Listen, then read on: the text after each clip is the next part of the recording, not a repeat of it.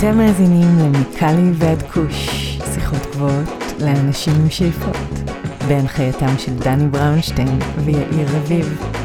הנה, הנה זה מגיע.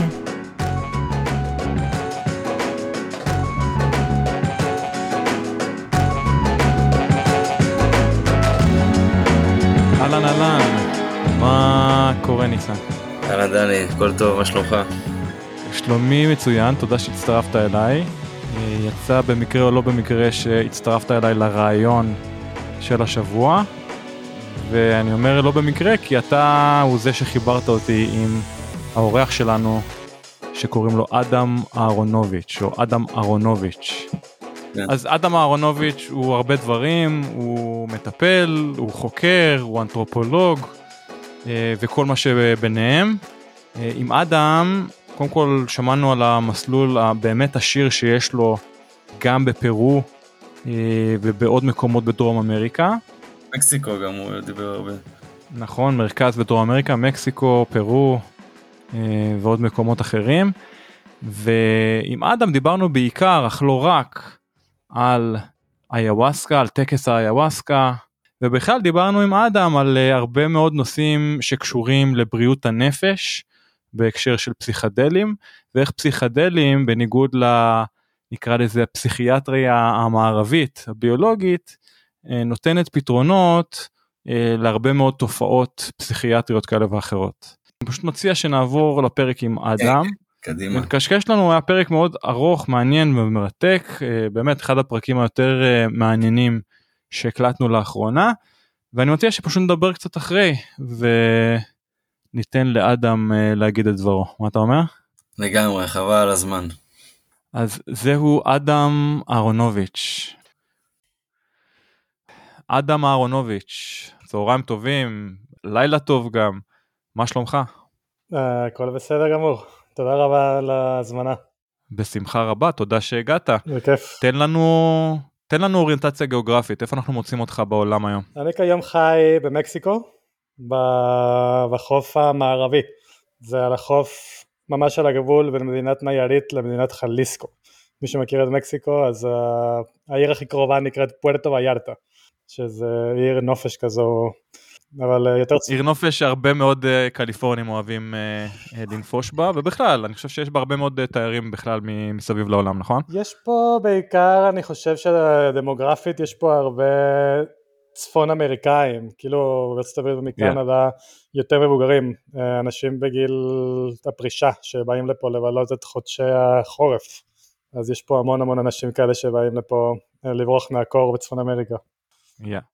יפה, אז אני נמצא בלוס אנג'לס, קליפורניה, והיום שותפי להנחיה, אה, מצטרף אלינו ניצן לוינסון, כבר לא פעם ראשונה שהוא מצטרף, הוא נמצא ב... איפה אתה נמצא, ניצן? אביחי אל ישראל. אוקיי, אז ניצן לוינסון נמצא באביחיל ישראל, אז לילה טוב ניצן, תודה שאתה הצטרפת אלינו, תודה. וברשותך, נתחיל מהקל אל הכבד, מה שנקרא. ספר לנו בקצרה על הרקע המקצועי שלך, ומה מה בעצם הביא אותך לפסיכדלים. וואלה, לא יודע כמה זה קל אה, להסביר את זה, אבל הרקע המקצועי שלי בגדול, בגדול, בגדול זה בבריאות הנפש. אני צריך אה, מן הסתם גם אולי להתמקד יותר במה זה בכלל אומר בריאות הנפש, אבל בוא נגיד, ככה בקצרה, אני התחלתי בתחום הפסיכולוגיה, בריאות הנפש באופן כללי.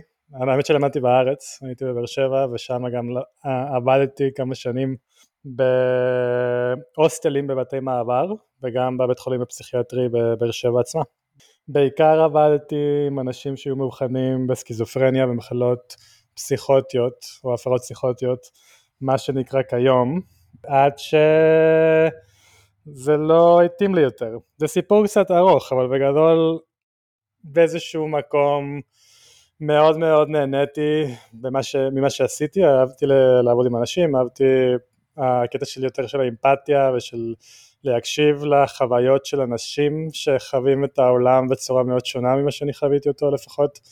כן, חוויה שהיא מאוד חורגת נגיד מה, מהגבולות של מה שהוגדר בוא נגיד כנורמלי או בריא. ומאוד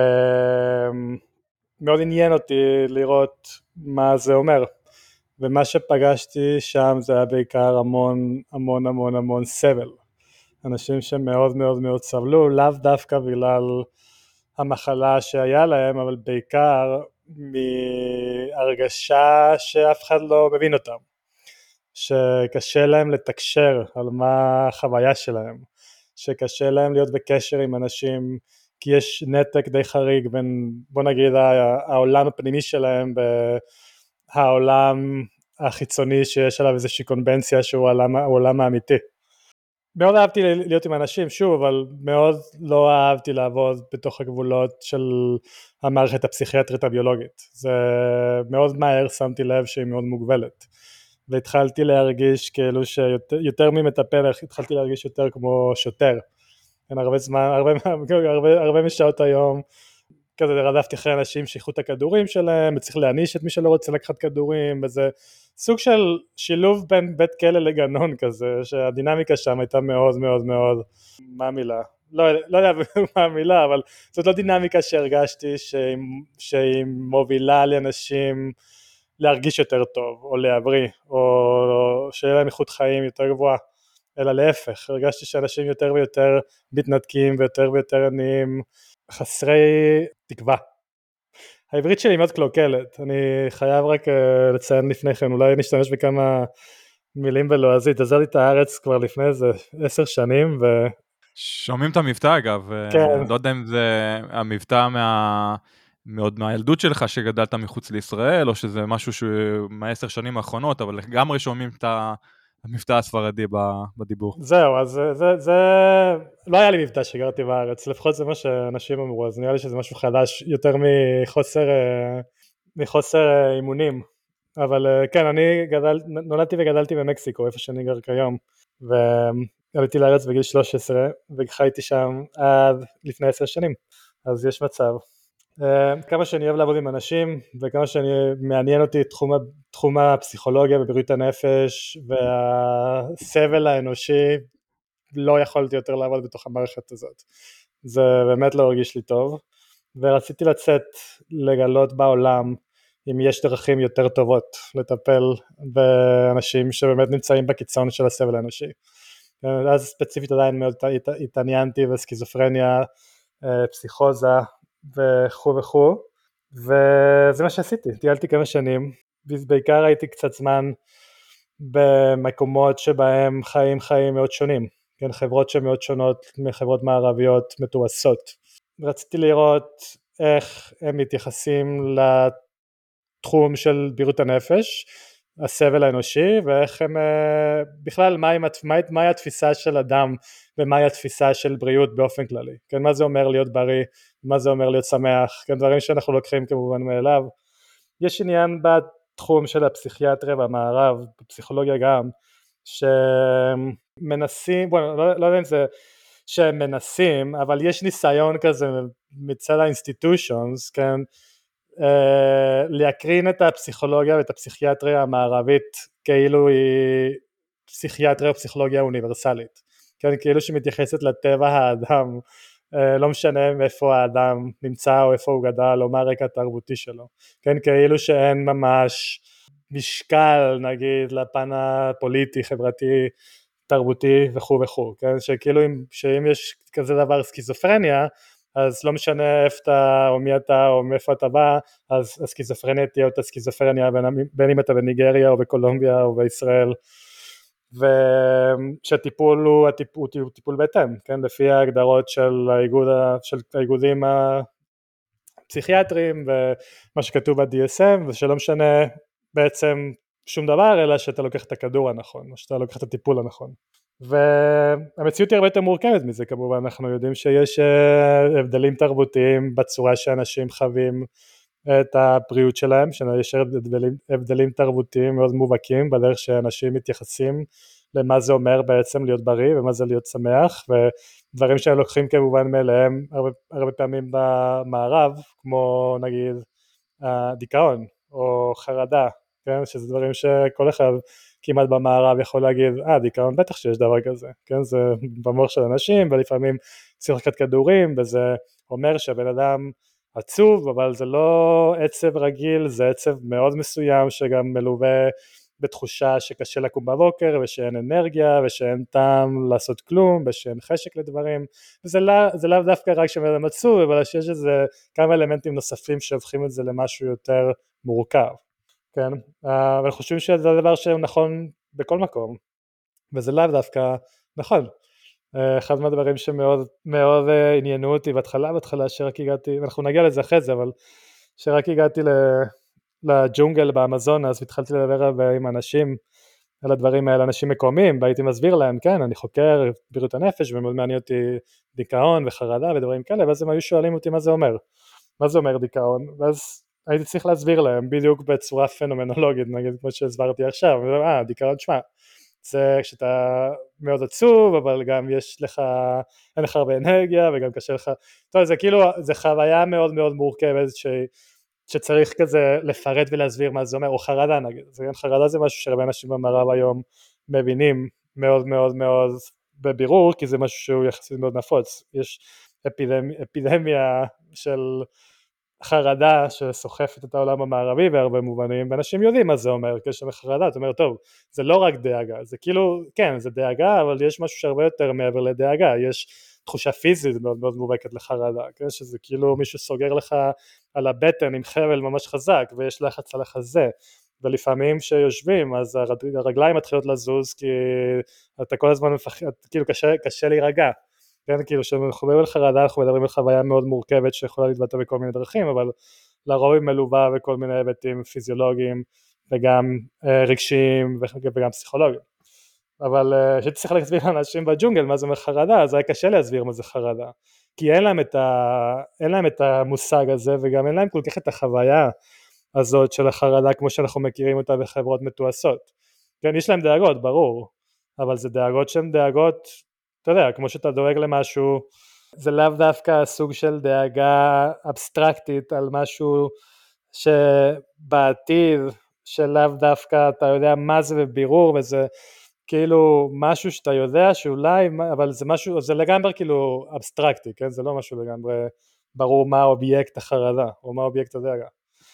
ואז כאילו שמתי לב שאפילו דברים שהם יחסית מאוד בסיסיים כמו דיכאון או חרדה בשבילי משהו שמאוד, שדורש כאילו תקשורת רבה ודורש הסברים ודורש אמפתיה ודורש כאילו להסביר הרבה דברים שהם לאו דווקא על האישיות של אותו אינדיבידואל שסובל מחרדה אבל גם על היבטים חברתיים ותרבותיים של אותה מדינה שבה הבן אדם חי. כן, כי בשביל להסביר חרדה אתה צריך להסביר דברים כמו קפיטליזם, אתה צריך להסביר דברים כמו אה, חוסר שוויון, אתה צריך להסביר דברים כמו אה, למה אנשים במערב שמים כל כך הרבה משקל על מה חושבים עליהם בעבודה, כן, יש הרבה דברים שהם מעבר לזה, צריך להסביר גם נגיד בדידות, וצריך להסביר את ה... בוא נגיד למה הקשרים החברתיים במערב כיום, אני אומר, אני אומר, אני אומר מערב זה כאילו מאוד כוללני, כן, אבל זה משהו שהוא יחסית נכון להמון חברות מערביות כיום, שיש גם מגפות של בדידות, מגפות של alienation, מגפות של העיבוד של הקשרים החברתיים שמחזיקים קהילות ביחד, כן, כל הדברים האלה הולכים ונשחקים יותר ויותר ויותר ואנשים נהיים יותר בודדים ויותר atomized to some extent.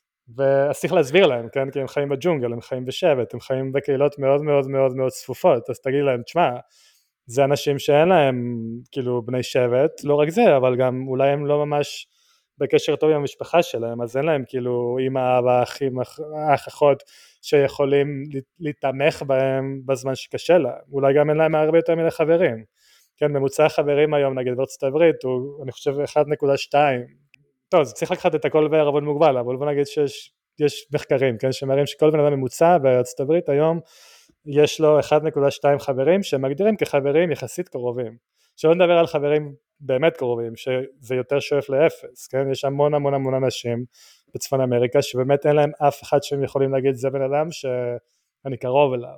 אז צריך להסביר בג'ונגל, כן, צריך להגיד, שמע, זה, לא, זה לא נתפס, כן, שמע, זה בן אדם שבאמת חי חיים, מחוץ לשבט, מחוץ לקהילה, מחוץ למשפחה, אין לו חברים קרובים כל כך, והחרדה זה מן הסתם חלק מזה, כן, כי בתור אה, יונק חברתי כמו שבני אדם הם, אם אין לך באמת את. הגישה הזאת לאנשים אחרים, ליחסים קרובים, לאינטימיות מסוימת, לא רק רומנטית במינית, אבל לאינטימיות במובן של אנשים שאתה יכול לדבר איתם על רגשות, שאתה יכול לדבר איתם על בעיות אמיתיות, שאתה יכול להתמך בהם בזמן צורך, אז מן הסתם החרדה תהיה שם.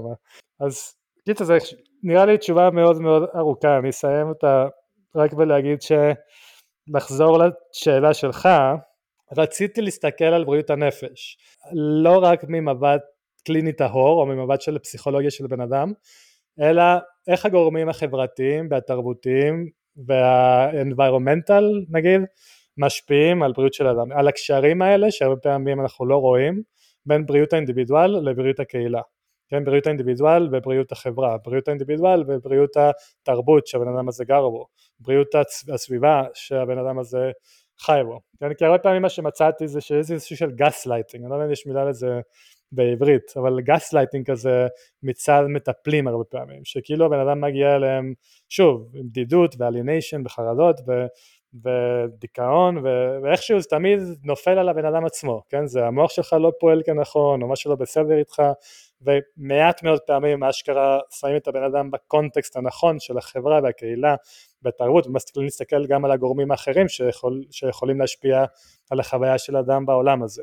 זהו, חזרתי לבית ספר, עשיתי את התארים המתקדמים שלי גם בבריאות הנפש, אבל לאו דווקא בפסיכולוגיה, יותר התמקדתי באנתרופולוגיה אה, רפואית ובפסיכיאטריה תרבותית וכל מיני תחומים כאלה שבוא נגיד זה נופל בתוך התחום של ה-medical humanities, כן, מדעי הרוח, אבל בתחום הרפואי יותר. וזהו, עכשיו אני מסיים את הדוקטורט, עשיתי קצת מחקר בג'ונגל בפרו, שנראה לי נדבר על זה עוד מעט, וכותב את התזה, ובעיקר אה, גם מטפל באנשים, מדבר עם אנשים, מנסה להביא קצת יותר קונטקסט לחוויות של אנשים, להוציא אותם קצת מהמנטליות ההיפר אינדיבידואליסטית הזאת של הכל אצלי בראש או הכל אצלי בחוויה וקצת להתחיל לראות איך אנחנו אינדיבידואלים, כן, אבל גם אינדיבידואלים שתמיד נמצאים בדיאלוגים עם כל הרבדים האלה של החיים שלנו, שזה משפחות וקהילות וחברות ותרבויות וכו' וכו'. מה היה הרגע שאמרת, אוקיי, אה, פסיכיאטריה קונבנציונלית אה, לא מתאימה לי, אני לא מאמין בה, אבל דווקא בפסיכדלים אני מאמין. קודם כל, זה לא שאני לא מאמין בפסיכיאטריה קונבנציונלית, אני חושב שיש בה שימושים מסוימים, אבל מן הסתם היא גם מאוד מוגבלת בפילוסופיה שלה. פסיכודלים, מה גרם לי ללכת לשם זה הניסיון, הניסיון האישי שלי. Uh, first and foremost זה היה החוויות שלי. בוא נגיד שמגיל מהגיל שהתחלתי להתנסות בעצמי הבנתי מהר מאוד שמעבר ל... מעבר לכיף ולכל הדברים האחרים שנלווים אז יש בזה גם פוטנציאל תרפאוטי מטורף וחלק מהמקומות שבהם uh, בוא נגיד טיילתי וחקרתי והסתכלתי אז התחלתי גם להבין שבהרבה פעמים באמת יש כבר ממסדים שלמים של, של מסורות שמשתמשות בזה לתחום טיפולי, כן אז בוא נגיד אני מההתנסויות האישיות שלי זה הוביל אותי לחפש את ה-traditions, כן טסתי הייתי הרבה, הרבה זמן, הרבה זמן ב... בפרו, הרבה זמן במקסיקו, הרבה זמן בצפון הודו, הרבה, הרבה מקומות שבהם באמת יש איזושהי שושלת של שימוש בצמחי מרפא פסיכודליים באופן שהוא מכוון, כן, ל- לרפואה. אוקיי, okay. הזכרת בפתיחה זה שאתה בעצם לומד אנתרופולוגיה רפואית ופסיכיאטריה תרבותית. תסביר לנו את המונחים האלו ראשית לפני שאנחנו מתחילים לצלול לתוך, אה, לתוך העניין. אנתרופולוגיה, אנתרופולוגיה רפואית זה תחום מתוך האנתרופולוגיה שמתעסקת בתרבויות תרבויות רפואה, כן, בתרבות רפואה, רפואה בתור אוף שוט נגיד של, של, של תרבות, כן, מה זה בעצם אומר, שוב זה הדברים היותר בסיסיים של מה זה אומר להיות בריא, מה זה אומר להיות חולה, איך אנשים חווים בריאות וחולי, איך אנשים מגדירים ומאבחנים ומטפלים ודברים שקשורים יותר להיבטים האנושיים נגיד של הרפואה, כן? לאו דווקא להיבטים הטיפוליים הקליניים של, של הרפואה אלא יותר לעניינים שמסביב, איך מתארגנים מה, כמו חמלה למשל, זה גם חלק מזה? לאו דווקא התכונות, למרות שזה גם יכול להיות חלק מזה, אלא יותר העניין, העניין okay. אוקיי. היותר תרבותי, כן, העניין היותר אנושי של הרפואה, זאת אומרת, הרי לא, לא רק הפן הקליני, אבל יותר הצד ההומניסטי, כן, של באמת, מתחיל מהשאלות הפילוסופיות ביותר, של איך אנשים, מה זה אומר להיות, מה זה אומר להיות בריא, כן, או מה זה אומר להרגיש טוב, איך מטפלים בן, בן אדם ש, שחווה דיכאון, מה זה אומר שהבן אדם חווה דיכאון, נגיד, כן, אם אתה מסתכל על זה מבחינה של אנתרופולוגיה, אז אתה רוצה להסתכל על דיכאון בכל מיני מקומות בעולם, אתה רוצה להסתכל על אנשים שחווים דיכאון במקומות במערב, ואז יש לך סוג טיפול מאוד מסוים, כן, שזה קשור לאנתרופולוגיה, אה, לפסיכיאטריה ביולוגית, כן, שיש להם ראייה מאוד מסוימת של מה זה דיכאון, איך, איך, איך נשים חווים דיכאון, איך אנשים מטפלים בדיכאון, מה עושים כשיש דיכאון, מה זה אומר שיש לך דיכאון, ואתה יכול גם להסתכל על מקומות אחרים, למשל בדרום איטליה, כן, או בספרד, או בניגריה, או באינדונזיה, או נגיד באתיופיה, כן, יש, יש דוגמה שבארץ האמת היא מאוד רלוונטית שנתקלתי בה כשעבדתי בבית חולים הפסיכיאטרים בבאר שבע. אז זו דוגמה שיכולה מאוד להעיר את השאלה הזאת. שבן אדם מגיע נגיד לפסיכיאטר ב- בישראל ואומר תשמע אני יש לי חוויה שמישהו מטיל עליי כישוף ואני מחושב ולכן אני לא יכול ללכת לעבוד ויש לי המון פחד וחרדה ואני בקושי אוכל ודברים רעים קורים לי כל הזמן. ומישהו שאני מכיר הטיל עליי את הכישוף הזה ואני משוכנע במאה אחוז ש... שזה מה שקורה כי אני גם שומע את, ה... את הקול של המכשף ואני גם, שומע, ואני גם רואה יש לי כל מיני חזיונות על, על שדים ופה ושם כן? אז עכשיו פסיכיאטר ישראלי שמקבל את הבן אדם הזה הוא שומע את הסיפור הזה והוא אומר טוב תשמע אתה יש לך הלוצינציות כן? יש לך חוויה שנופלת בתוך ההגדרה של מה שאנחנו מגדירים חוויה פסיכוטית. כי בעולם שלי, כן, בעולם של הפסיכיאטר והמציאות שלנו אין דבר כזה כישופים כן? זה לא יכול להיות שמישהו בא וחיצונית מטיל עליך כישוף ואז אתה מרגיש לא טוב ודברים רעים קורים לך. זה משהו שלא חלק מהראייה הניוטוניאנית מטריאליסטית אה, של העולם כמו שיש לנו במערב נגיד. אז הפסיכיאטר פרש את הבן אדם הזה ואומר לו תשמע אני לא יודע מה קורה איתך אבל נשמע לי כמו סכיזופרניה. כן? אז יש לך מלא אנשים בארץ שממוצא אתיופי למשל. האמת שזה לפני עשר שנים עדיין היה נכון אני לא יודע אם היום זה עדיין נכון אבל יש לך היה לך אז מלא אנשים ממוצא אתיופי שהיו בבתי חולים פסיכיאטרים מגדירים כסכיזופרנים בגלל שהיה להם חוויה מאוד מאוד דומה למה שתיארתי כרגע. כן מישהו הטיל עליי כישוף אני מרגיש שאני מחושף דברים רעים קורים לי אני לא יודע מה לעשות אני שומע קולות.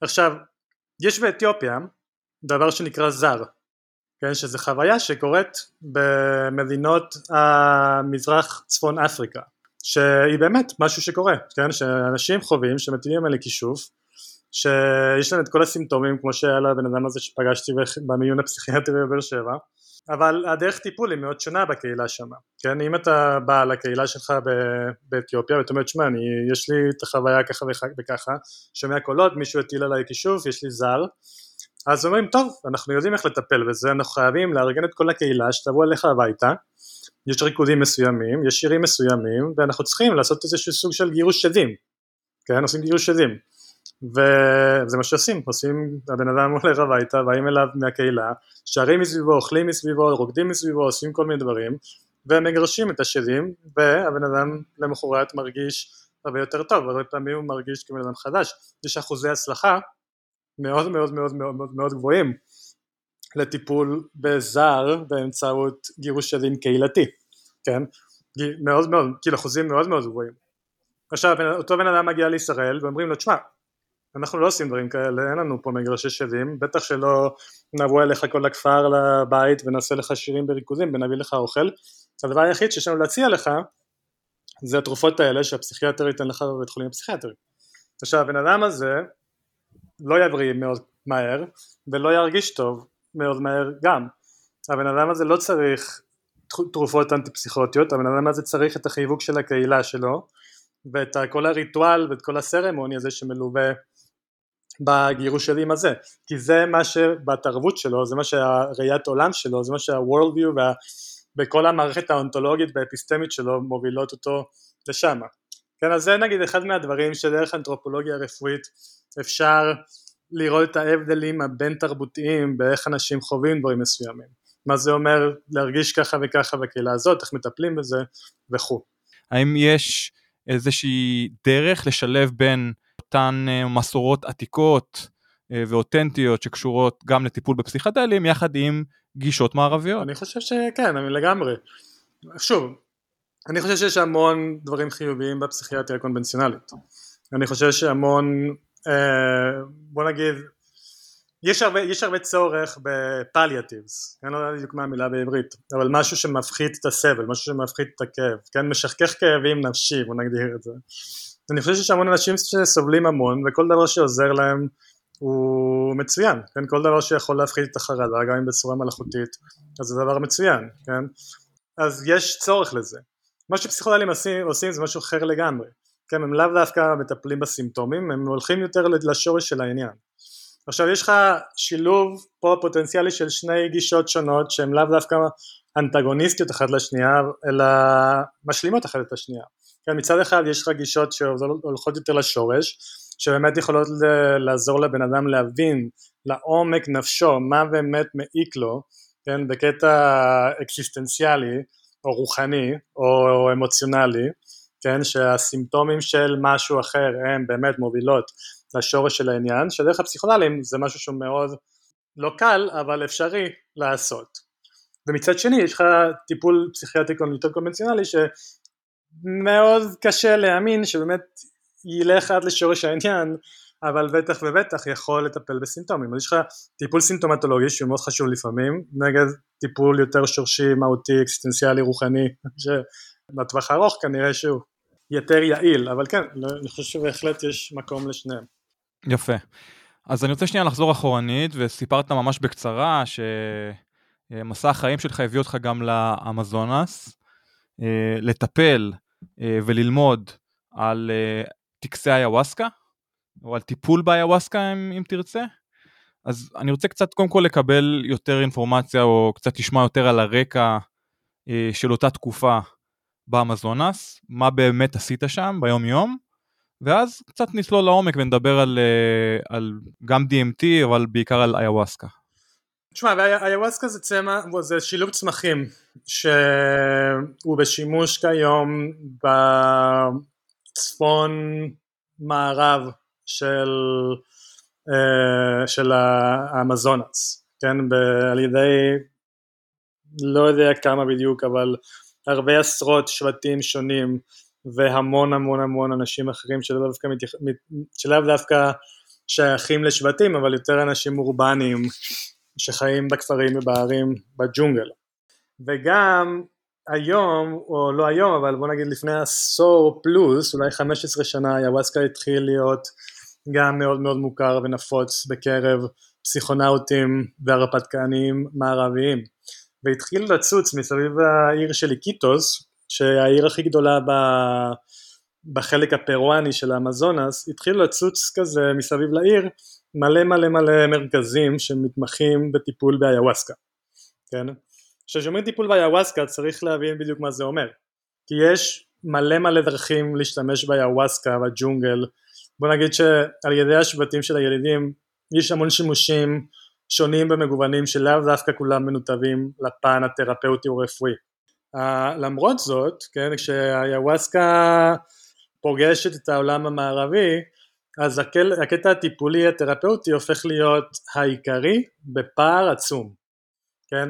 אז כל המרכזים האלה שצצים בג'ונגל מגדירים את עצמם ו-label themselves בתור מרכזי טיפול באיוואסקה. healing centers as it were. אז אני עבדתי באחד כזה, אני הגעתי לשם ב-2016 בתור בוגר צעיר של תואר שני אה, וחיפשתי מקום טוב לשבת בו קצת זמן ולעשות מחקר לקראת הדוקטורט וגם מקום שבו אני אוכל ללמוד יותר על המסורת של האיוואסקה ממקור ראשון, כן, ישר מאחד מהשבטים הילידים מהאמזונס שמשתמשים באיוואסקה בתור כלי יחסית מרכזי במערכת הרפואית שלהם. אז במקום שאני עבדתי בו עובד עם אנשים שבאים משבט השיפירו. שבט השיפירו, השיפירו כיום הם השבט שהכי הרבה מוכר בקשר לשימוש שלהם באיוואסקה בעולם המערבי. כן, הם לא היחידים שמשתמשים בזה, הם גם לא הכי טובים במה שהם עושים ביחס לעוד שבטים אחרים, אבל משום מה הם הכי מוכרים.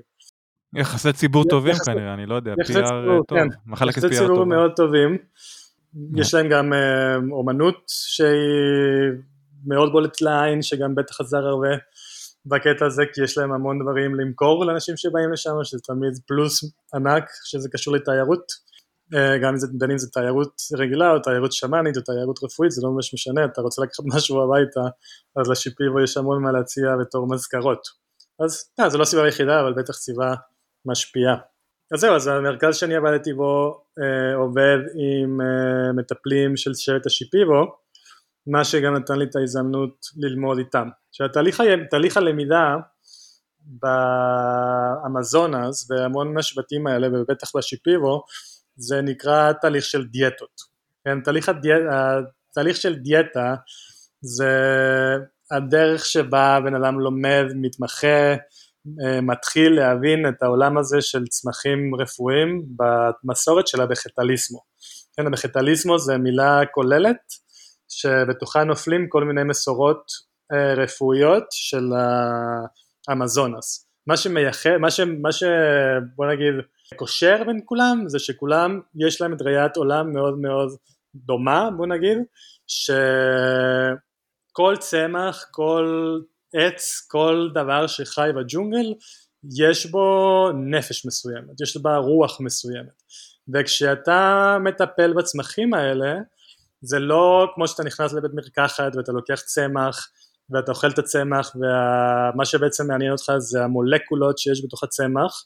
כן, כי אתה יודע שאם תאכל את המולקולה הזאת אז תרד לך הנפיחות ואם תאכל את המולקולה הזאת אז זה, זה לא גישה אוטיליטריסטית או אינסטרומנטלית של צמחים אלא גישה אנימיסטית, כן, אנימיזם בעצם יותר הוליסטי? יותר, כן, הוליסטי אבל בעיקר אנימיסטי, כן, האנימיזם, האנימיזם שזה הגישה האנימיסטית זה אחת מהאונתולוגיות, שאונתולוגיות זה בעצם הראיית העולם, כן, הדרך שבה בן אדם או קהילה מסוימת מסתכלת, על, מסתכלת ומבינה ממה מורכב העולם, כן, עכשיו נגיד האונתולוגיה המערבית זו אונתולוגיה מטריאליסטית, מכניסטית, כן, כולם, הכל אטומים, הכל קוזן אפקט וכו' וכו', חומר בגדול, האונתולוגיה האנימיסטית, שזו אונתולוגיה שמאוד נפוצה בתרבויות אה, יותר מסורתיות, זה אונתולוגיה שבה מה.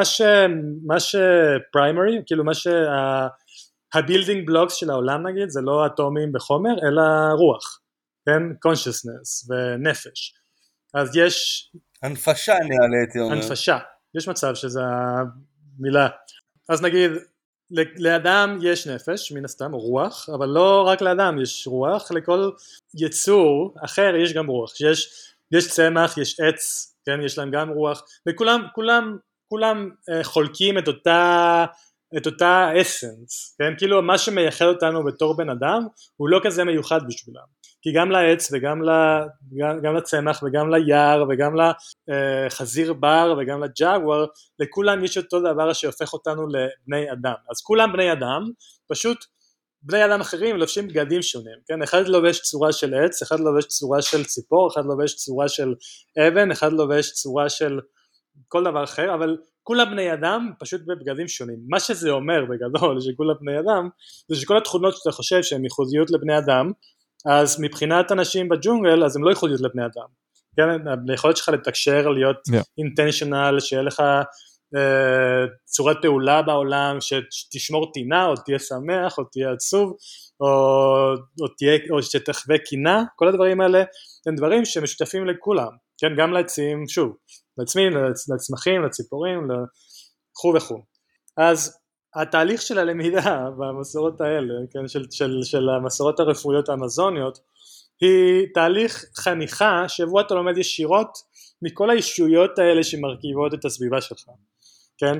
אז אתה רוצה ללמוד את הרפואה של העץ הזה או של הצמח הזה ישירות מהעץ ומהצמח. אז מה שצריך לעשות זה למצוא דרך לתקשר עם הצמח הזה או עם העץ הזה, ליצור איזשהו דרך, אה, איזשהו צ'אנל של, של, של תקשורת עם האישות או עם הספיריט או עם הרוח של אותו יצור חי, כן? אז במילים אחרות טקס היוואסקה זה פשוט דרך שלנו בני אדם לתקשר עם אותם צמחים יפה. שהזכרת שמכילים גם את המולקולה של ה-DMT. אז היוואסקה זה דרך אחת שבו עושים את הדבר הזה. כן אז הדיאטות, הלמידה מהצמחים האלה בכמה מסורות, במיוחד עם השיפירו, באמת כולל את היוואסקה בתור אחד מהכלים המרכזיים שדרכם אפשר ליצור קשר עם היצורים האחרים, כן? זה הגשר, זה הברידג', זה הדבר הזה שמאפשר לאדם להיות בקשר ותקשורת עם האישויות של, של העצים ושל הצמחים האחרים. זו לא היחידה, כן? היוואסקה זה לא הדרך היחידה, אבל בהחלט זו דרך ש... אדם, כן. יש... לי שאלה בהקשר הזה, קצת אה, גם יצא להיות בפרו עם השיפיבו, אבל מה שאני זוכר שם, גם אפרופו ב-2016, אבל אה, אני זוכר שהדיאטות גם היו מאוד, זה היה סוג של הכנה גם כזה עד שמתחילים את השתייה של היואסקה, שבועיים, שלוש, חודש, כל אחד והזמנים שלו, אבל גם היה התאמה, הם ניסו לעשות או התיימרו לעשות התאמה של דיאטות לאנשים, כלומר לכל בן אדם בנפרד. כן, זוהי תחילתה של האינטגרציה, לא בעצם, בעצם שמחליטים אה, לצרוך את החומר ומתכוננים לטקס עצמו. כן, אבל שבועיים לפני זה שאתה אתה, אתה בקושי אוכל, אתה, אתה אוכל דברים מאוד מסוימים, אדם יסביר את זה יותר טוב ממני בטח, אבל יש הרבה הכנה שם, זה לא שאתה בא, שותה איואסקה ונכנס לתוך, ה, לתוך הסשן. נכון. אתה רוצה שנייה לתאר, לתאר לנו את השלבים השונים בטקס האיוואסקה, באמת מה שניצן הזכיר, עד אה, אפילו אחרי הטקס, מה קורה אחריו, האינטגרציה שאחרי, מה... כן, תשמע, אין, אין משהו מאוד הומוגני, כן, זה, הדברים האלה הם מאוד מאוד מאוד משתנים בין משפחה למשפחה, בין מטפל למטפל, בין כפר לכפר, בין מסורת למסורת, אין משהו אחיד, לא בשיפיבו ולא בשום שבט אחר באמת שאומר לה ככה זה צריך להיות. אז אין איזה go to protocol כזה שאתה יודע, אתה עושה גוגל, מה הפרוטוקול של היוואסקה, ובום, אתה מקבל את התוצאות, או שכן יש בטח פרוטוקול מסוים שאולי יתמסחר בצורה כזו או אחרת, אבל אתה אומר שמבחינה, מסתכלים על האותנטיות ועל הטקסים המקוריים של האיוואסקה, אתה אומר שהכל שונה, אין, אין אה, יש, גישה יש אחת. יש היום דרך לעשות דברים שהיא מאוד מערבית, שהיא שואבת קצת מהמסורות האמזוניות, אבל שהיא באמת מאוד מאוד מאוד, יחסית מאוד חדשה, ולאו דווקא, אותנטיות זו מילה מורכבת, כן, אבל בוא נגיד, שהיא לא מאוד אותנטית, at least לא במובן של באמת איך עושים דיאטה בג'ונגל. עכשיו בוא נגיד, במערב כן, יש היום סוג של פרוטוקול מסוים שהרבה מהמטפלים אה, באמת אה, יגישו לך, נגיד שזה באמת אה, אומרים לך טוב לפני שאתה מגיע לטקס היוואסקה אז אולי שבוע שבועיים אתה לא שותה אלכוהול, אתה לא עושה סמים אחרים, אתה לא מקיים יחסי מין, כן, אה, אתה לא אוכל בשר הרבה פעמים, זה כאילו הדברים העיקריים. גם קנאביס אמרו לנו להפסיק. קנאביס גם, כן. נכון? שזה, שזה מעניין, כן? כי לא כל מסורת, אה, לא כל מסורת היוואסקה אה, יש לה רתיעה מהקנאביס, אם אתה מסתכל בסנטו דיימה, אז הקנאביס הוא חלק בלתי נפרד מהטקס של היוואסקה, כן? בסנטו דיימה, בטח, סנטו דיימה, הקנאביס הוא סנטה מריה, כן, זו ישות בפני עצמה מאוד מאוד מאוד גדולה וחכמה ומורכבת ויש מסורות של סנטו דיימה שבו אתה רואה מעגלים שלמים של אנשים ששותים איוואסקה, רוקדים ומעשנים ג'וינטים כל הערב, כן? אז זה לא משהו, זה לא משהו אונתולוגי שאתה לא יכול לערבב איוואסקה שום דבר אחר, זה משהו שמאוד מאוד קשור, קשור למסורת שממנה אתה בא והרבה פעמים גם לפרג'ודיס okay. ול... כן, לפרג'ודיס של למה מסורת מסוימת לא רוצה כזה וכזה. אז, אה, אז כן. אוקיי, okay, עכשיו, לפני שאנחנו ממשיכים, אני שנייה רוצה לחזור לכימיה אה, של האיוואסקה. אמרת שזה שילוב, שילוב של צמחים, אגב חידשת לי, איזה בדיוק צמחים מדובר, ועל איזה שילוב, איזה, מה הריישיו של... אה, אז שוב, זה שילוב. משהו שמאוד משתנה, כי כל משפחה, כל שושלת, כל בן אדם, יש לו, בוא נגיד, מתכון שונה. אבל בבסיס, בבסיס, בבסיס, okay. אוקיי. בבסיס של ה... מה אפשר לקרוא, למה אפשר לקרוא איוואסקה, אז זה שילוב של שני צמחים. כן, הצמח הראשון זה מה שבאמת מוכר יותר כאיוואסקה, שזה ויין, כן, זה צמח מטפס כזה, שהוא מאוד מאוד איצי כזה, והוויין אוקיי. הזה אה, מכיל כמויות מאוד, בוא, כמויות יחסית גדולות של הרמין והרמלין שזה שני, שזה שני חומרים שהתפקיד שלהם בעצם זה לחסום את הפעולה של האנזימים בקיבה שלנו שמפרקים טריפטמינים, אוקיי? אנחנו, יש לנו בקיבה אנזימים שנקראים מונואמינסטרז, אה, אנזימים שמפרקים את המונואמינסטרז, כן? שזה, אם אתה אוכל DMT נגיד, או כל מיני טריפטמינים אחרים, אז האנזים בקיבה שלנו ישר מפרקים את ה-DMT. בלתי אפשרי, כן, לחוות חוויה של DMT דרך הקיבה, אלא אם כן אתה משלב את זה עם החומר המסוים הזה, שחוסם את הפעולה של האנזימים שלנו בקיבה, שמפרקים את ה-DMT ישר. ה-DMT לא משנה איזה כמות של DMT תאכל, אף פעם לא יתחיל, יצליח לחדור את, ה, את המחסום דם מוח, אלא אם כן תשתמש גם בחומר הנוסף הזה, כן? לכן DMT הדרך היחידה באמת אה, לחוות DMT, לא היחידה אבל יש הדרך שבה חווים DMT כיום היא דרך עישון, כן? כי אז אתה מגיע ישר לריאות ועוקף את כל הסיפור הזה. אז היוואסקה היא שני דברים, הוא מצד אחד הצמח עצמו של היוואסקה שהוא שוב מכיל את ההרמין ואת ההרמלין שזה, שזה החוסמים של האנזימים מצד אחד. אדם זה Banisteriopsis caapi, נכון? נכון, Banisteriopsis caapi, Banisteriopsis caapi, זה הצמח הזה, ומצד שני יש לך צמח שבאמת מכיל כמויות יחסית מאוד גדולות של dimethyltryptamine, של DMT, okay? אוקיי? עכשיו הצמח הזה לרוב הוא צמח שנקרא צ'קרונה, צ'קרונה זה צמח אה, שהוא קרוב משפחה של הקפה, קרוב משפחה של, הקר... של הקרטום, וואו. קרוב משפחה של כל מיני צמחים מופלאים, אותה משפחה, קרטום, קפה, צ'קרונה, והוא באמת מכיל כמויות מאוד גדולות של DMT. אז כשאתה משלב את שני הדברים האלה, אתה מאפשר ל-DMT שבתוך הצמחים של הצ'קרונה, באמת אה, להגיע למוח. אז כל אחד מהאלה בנפרד לא באמת עושה הרבה.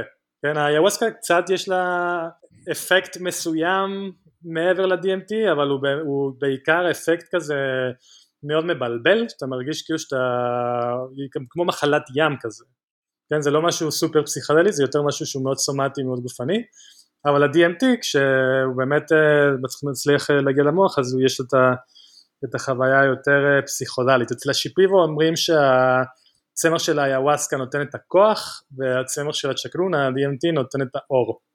אז זה השילוב של, ה, של הכוח והאור כן, עכשיו יש מקומות אחרים ש, שלא משתמשים בצ'קלונה, כן, נגיד במסורות הקולומביאנות, במזונס הצפונית, אז משתמשים בצמח אחר שנקרא צ'גלופנגה או צ'ליפונגה, שזה שונה מאוד מצ'קלונה אבל הוא אותו עיקרון, יש לו כמויות מאוד מרוכזות של DMT.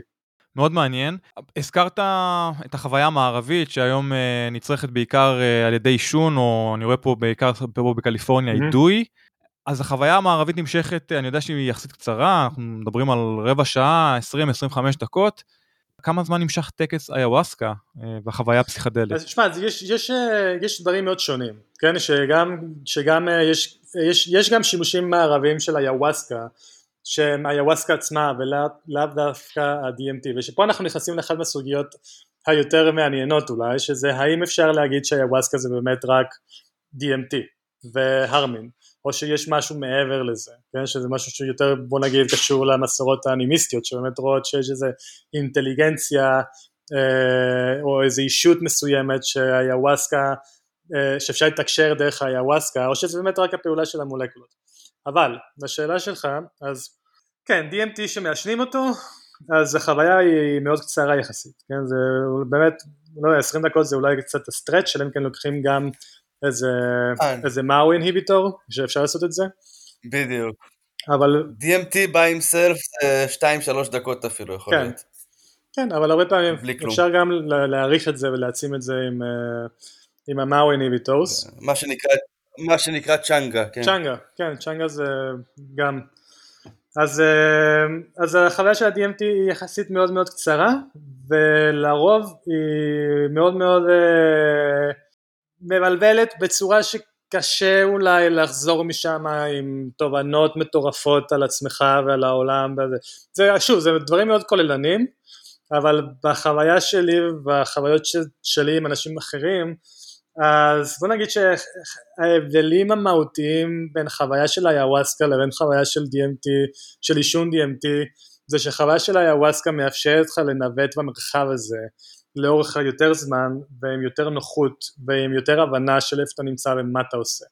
כן, זה קשה למישהו שאין לו, לו איפה להשריש את הדימויים האלה, אולי קשה אה, להתחבר למה זה באמת אומר חוויה פסיכונאוטית, אבל זה כל כך ביזארי הרבה פעמים, זה כל כך מוזר במוזרות האונתולוגיות של זה, שהחוויה של ה-DMT לפעמים יכולה להיות קצת כמו להכניס את האצבע לזה של החשמל ואתה מתחשמל ואתה יוצא משם ואתה יודע שמשהו קרה אבל אתה לא יודע באמת מה קרה. היווסקה מותחת את המרחק הזה, את המרחב הזה לכמה שעות טובות בעוצמה משתנה, כן? שזה לא כל הזמן סופר עוצמתי, לפעמים זה נרגע, לפעמים זה נותן לך זמן להיאבד, זה נותן לך זמן לאינטגרציה, זה מאפשר לך לנווט את המרחב הזה קצת יותר בנוחות, להתרגל אליו, לראות איפה אתה נמצא, מה העניינים פה שם, ולנסות להיות יותר אינטנציונלי ביחס למה אתה רוצה מהחוויה שלך. כן, מה אתה רוצה, מה אתה רוצה לעבוד, או מה אתה רוצה לפגוש, או מה אתה מחפש בתור, בתוך החוויה הזאת. למי זה נועד? זאת אומרת, מי זה משתמש האיוואסקה הממוצע? כמובן שיש הרבה סוגים, מינים וסיבות, אבל באמת, למי זה יכול לעזור בעיקר? אני חושב שזה יכול לעזור ל... שמע, זו שאלה מורכבת. זה יכול לעזור למלא אנשים, תלוי באמת מה, מה האינטנשן. כן, אני חושב שיש הרבה אינטנשנים שיכולים להיות מאוד רלוונטיים ומאוד uh, הגיוניים ללמה בן אדם ירצה לעשות את החוויה הזאת, החל מסקרנות, אני חושב, תמיד חושב שסקרנות זה דבר נפלא, כן, אז אם בן אדם סקרן לגבי מה זה בעצם אומר להיות במצב תודעתי כזה או אחר, אז היווסקה יכול להיות טוב. Uh, היום יש המון התמקדות ודברים מאוד ספציפית, ספציפיים בתחום הטיפולי. יש המון דיבור על טראומה למשל, יש המון דיבור על PTSD, יש המון דיבור על חרדה ועל ועל דיכאון והיוואסקה שיכול לעזור לדברים האלה וכן ברור שהיוואסקה יכולה לעזור, לעזור לדברים כאלה אה, אבל אני חושב שוב זה לאו דווקא בגלל שהיוואסקה מיוחד טוב לאנשים עם דיכאון עם חרדה היוואסקה באופן כללי מאוד טוב בשביל לתת לנו השקפה חדשה על העולם לתת לנו חיבור מחדש לעולם שבחוץ. זה נותן לנו זה, זה עוזר לנו לפעמים הרבה פעמים לפתוח כל מיני מגירות ודלתות שאולי נעלנו בתוך עצמנו, שאנחנו מפחדים לפתוח מחדש. אז כל דבר שיכול, שיכול להשתפר מהדברים האלה, כן, מה, מהשינוי והפרספציה, מהשינוי וההתבוננות, מה... אולי להיזכר בדברים בצורה אחרת, אז יכול מאוד לעזור. אז שוב, החל מסקרנות ודרך דברים טיפולים רפואיים ועד אולי אפילו סתם אנשים שרוצים לחוות, נגיד אחד, אחד השימושים הקלאסיים בקונטקסט המקורי שלו באמזון זה social bonding, כן, social coherence, כן, אנשים ש... זה נגיד משהו שקורה גם במערב, במסורת של הסנטו דיימה, שזה לאו דווקא מסורת שמאנית, אלא יותר מסורת באמת כאילו דתית, כן, אז אנשים שותים איוואסקה ואז רוקדים ביחד ושרים ביחד וחווים את הסנס הזה של קומיוניטי, כן, של לעשות דברים ביחד, של אה, אנחנו ביחד, כן, אז כל הדברים האלה הם דברים שיכולים מאוד לעזור לבן אדם, שיכולים להיות חיוביים לבן אדם שרוצה להתנסות בחוויה הזאת. בקונטקסט המקורי שלו, דרך אגב, נגיד לא במקורי שלו בכל מקום, אבל אצל השיפירו למשל, משהו שהוא מאוד מעניין, שהרבה אנשים לא יודעים, זה שאם אתה, שאם בן אדם מגיע ל...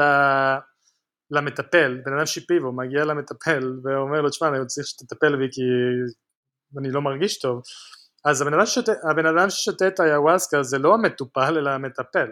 אין דבר כזה אצל השיפיבו שבן אדם, כן, וואלה. היוואסקה זה אך ורק למטפלים כי המטפלים משתמשים ביוואסקה בתור, בתור כלי דיאגנוסטי דרך היוואסקה הם יוצרים קשר עם הצמחים, דרך היוואסקה הם יוצרים קשר עם, ה, עם הספיריטס, דרך היוואסקה הם יכולים לראות מה קורה בגוף של הבן אדם, כן אז היוואסקה הוא לא תרופה בשביל המטופל, אלא זה כלי בשביל המטפל, שזה שונה לגמרי מהדרך שבמערב היוואסקה מוצאת, רק במערב זה, תשמע אתה רוצה, yeah. אתה רוצה את המדיסין, אתה רוצה את החוויה עצמה של היוואסקה, אתה רוצה זה, להיות זה ששותה.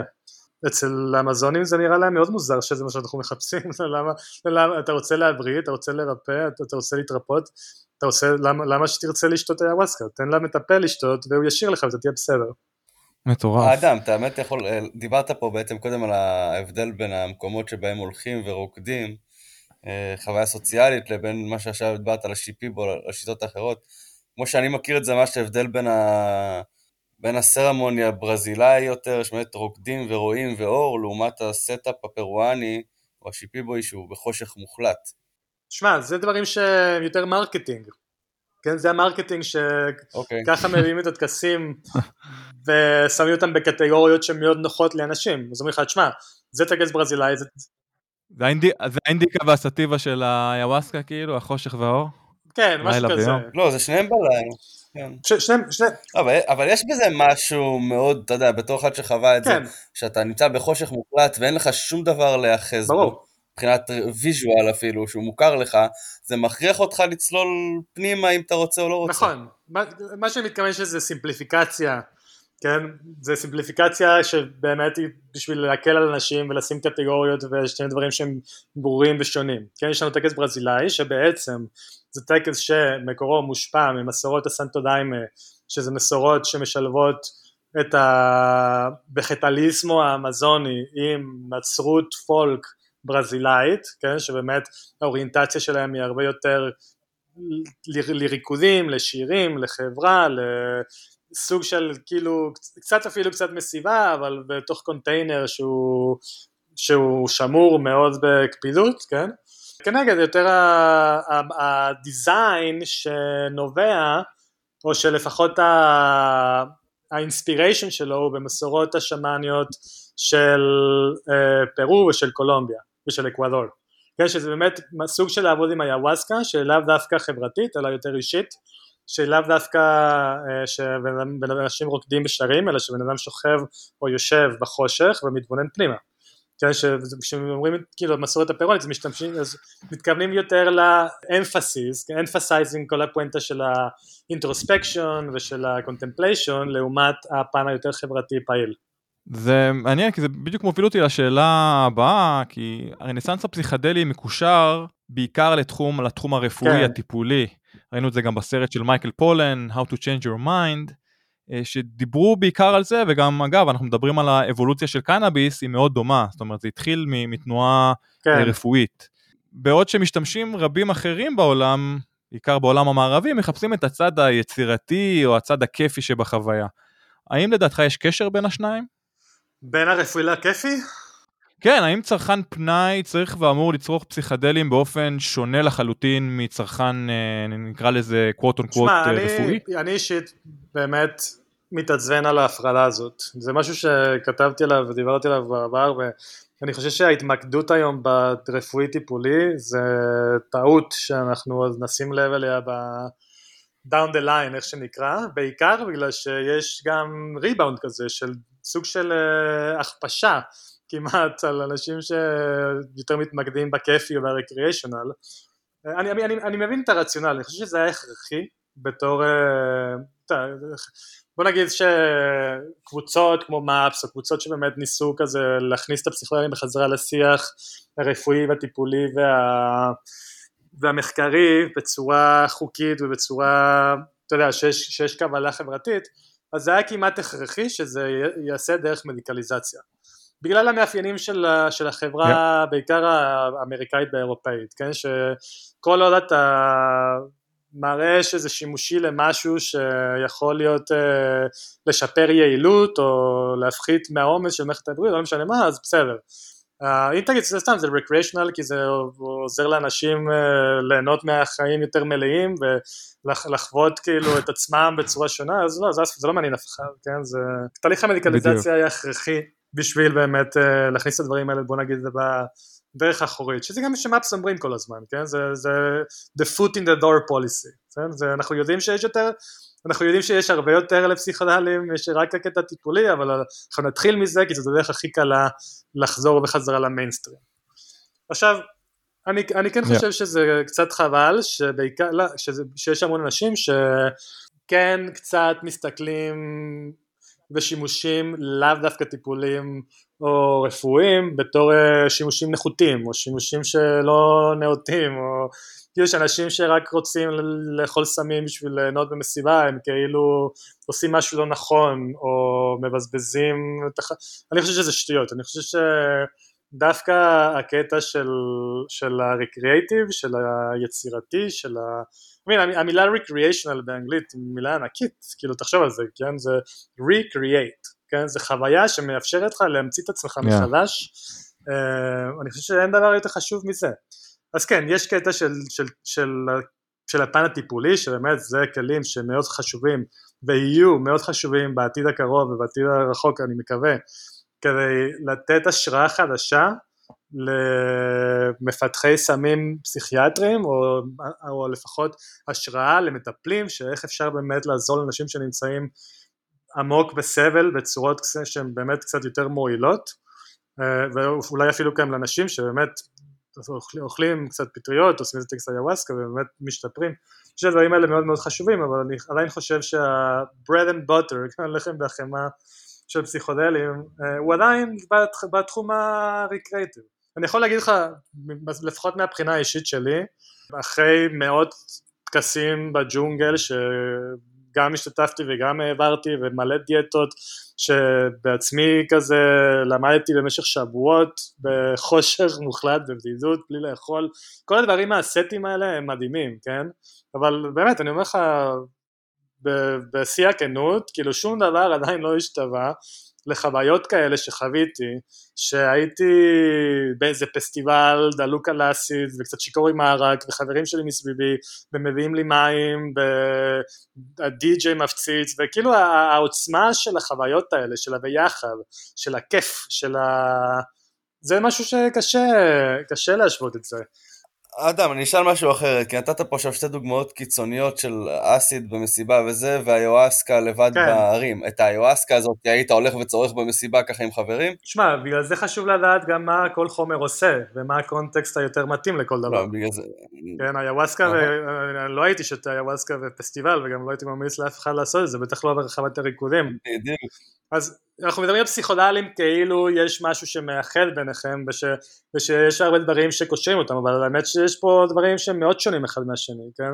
אז מאוד קשה להגיד פסיכודלים בתחום הזה. אני חושב שיש חומרים מסוימים שהתחום הטיפולי שלהם הוא מאוד מובהק שלאו דווקא מתאימים לתחום ה-recreational כן?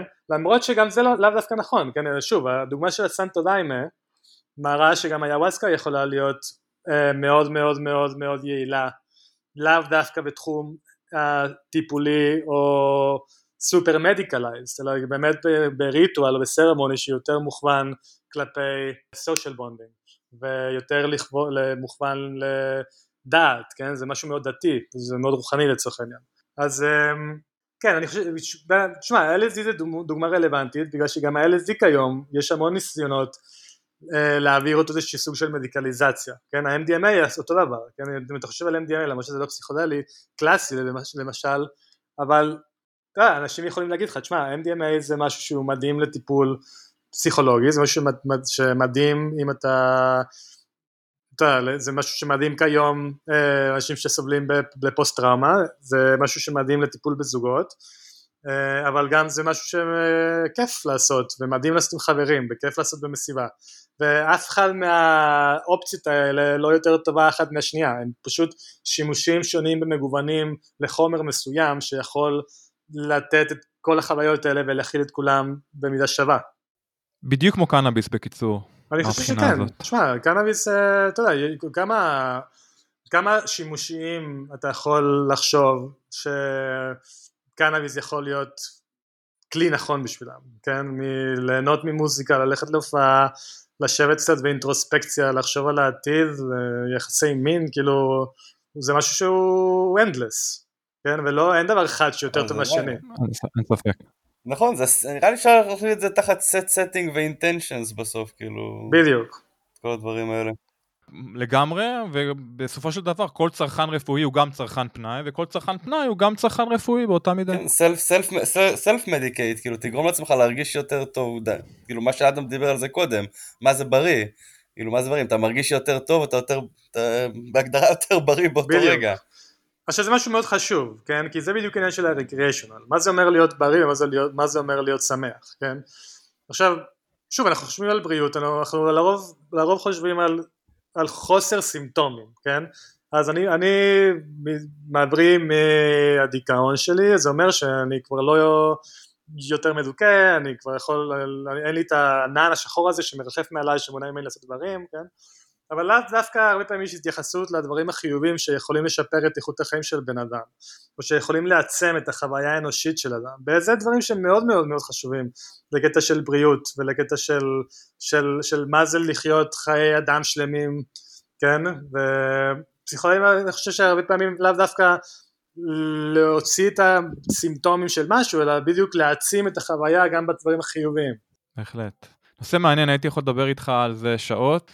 אה, אגב, בריאות נפש, שזה נושא מאוד מורכב ומקבל יחס וטיפול שונה מתרבות לתרבות. אתה אחרי כל המסעות שלך בעולם, האם הייתה איזה תרבות אחת מסוימת שהיית מאמץ מבחינת איך שהיא מטפלת אה, בנפש האדם? אני לא חושב שיש תרבות מסוימת אחת, אבל אני כן חושב שיש מודל מסוים שאני חושב צריך לאמץ, וזה משהו שקצת כבר קורה במערב, כן? וה... והמודל הזה הוא מודל שהוא מבוסס על טיפול קהילתי וקבוצתי יותר מאשר הוא מבוסס על טיפול אינדיבידואלי. וזה משהו שאני חושב הוא יהיה קריטי ב... הוא כבר קריטי, וזה, שוב זה כבר קורה בדברים מסוימים אבל זה יהיה קריטי להתחיל לחשוב על בריאות בתור משהו שהוא אה, קשור ביחסים לאו דווקא בתור חוויה של אדם בודד, אבל ביחסים של אותו אדם עם הקהילה שלו, עם העולם שלו, עם החברה שלו וכו' וכו'. אז נגיד, בהרבה קהילות בדרום אמריקה, בהרבה קהילות מסורתיות בכל העולם, אבל בדרום אמריקה גם בעיקר, זה מה שאני, זה מה שאני חקרתי והסתכלתי הרבה פעמים, זה ששוב, אם בן אדם לא מרגיש טוב, כי משהו קורה עם הבן אדם הזה, זה לא שהבן אדם הזה הולך לרופא והרופא נותן לו כדורים, או במקרה הרע הבן אדם הזה מאושפז ומנותק מהחברה שלו ומהמשפחה שלו ומהקהילה שלו וסגור בתוך מחלקה סגורה וכו' וכו' אלא בדיוק ההפך, מה שקורה בדיוק ההפך, אם בן אדם לא מרגיש טוב אז הדבר הראשון שקורה זה שהמשפחה הקרובה שלו והקהילה הקרובה שלו מתאספים סביבו ו-holding space מה שנקרא שהיום מאוד, מאוד טרנדי בקהילה הפסיכולוגית, holding space, כן, המון מהטיפול בכל הדברים האלה, כן, מבוסס בדיוק על holding space. שמע, אנחנו יודעים שאתה עצוב, אנחנו יודעים שאתה חווה חוויה קשה, אנחנו יודעים שמשהו קורה איתך, אבל אתה, חשוב לנו שתדע שלא משנה מה, אנחנו פה איתך. ואנחנו מבשלים לך אוכל ואנחנו דואגים למשפחה שלך ודואגים לגינה שלך ואת הצמחים שלך עד שתרגיש טוב יותר ותוכל לחזור לעבוד ולעשות את הדברים שתדע שהכל בסדר, כן? שאתה לא מאבד את המקום שלך בקהילה שלך, שאף אחד לא שולח אותך לשום מקום, שאשתך לא מתגרשת ממך והילדים שלך עדיין אוהבים אותך ושעדיין יהיה לך מה לאכול, כן? כי אתה לא תקבע מרעב, אנחנו פה בשבילך וזה הבסיס כמעט של כל אינטרוונשן שקשורה לבריאות הנפש בעולם המסורתי יותר, כן? זה בראש ובראשונה הפן הקהילתי, כן?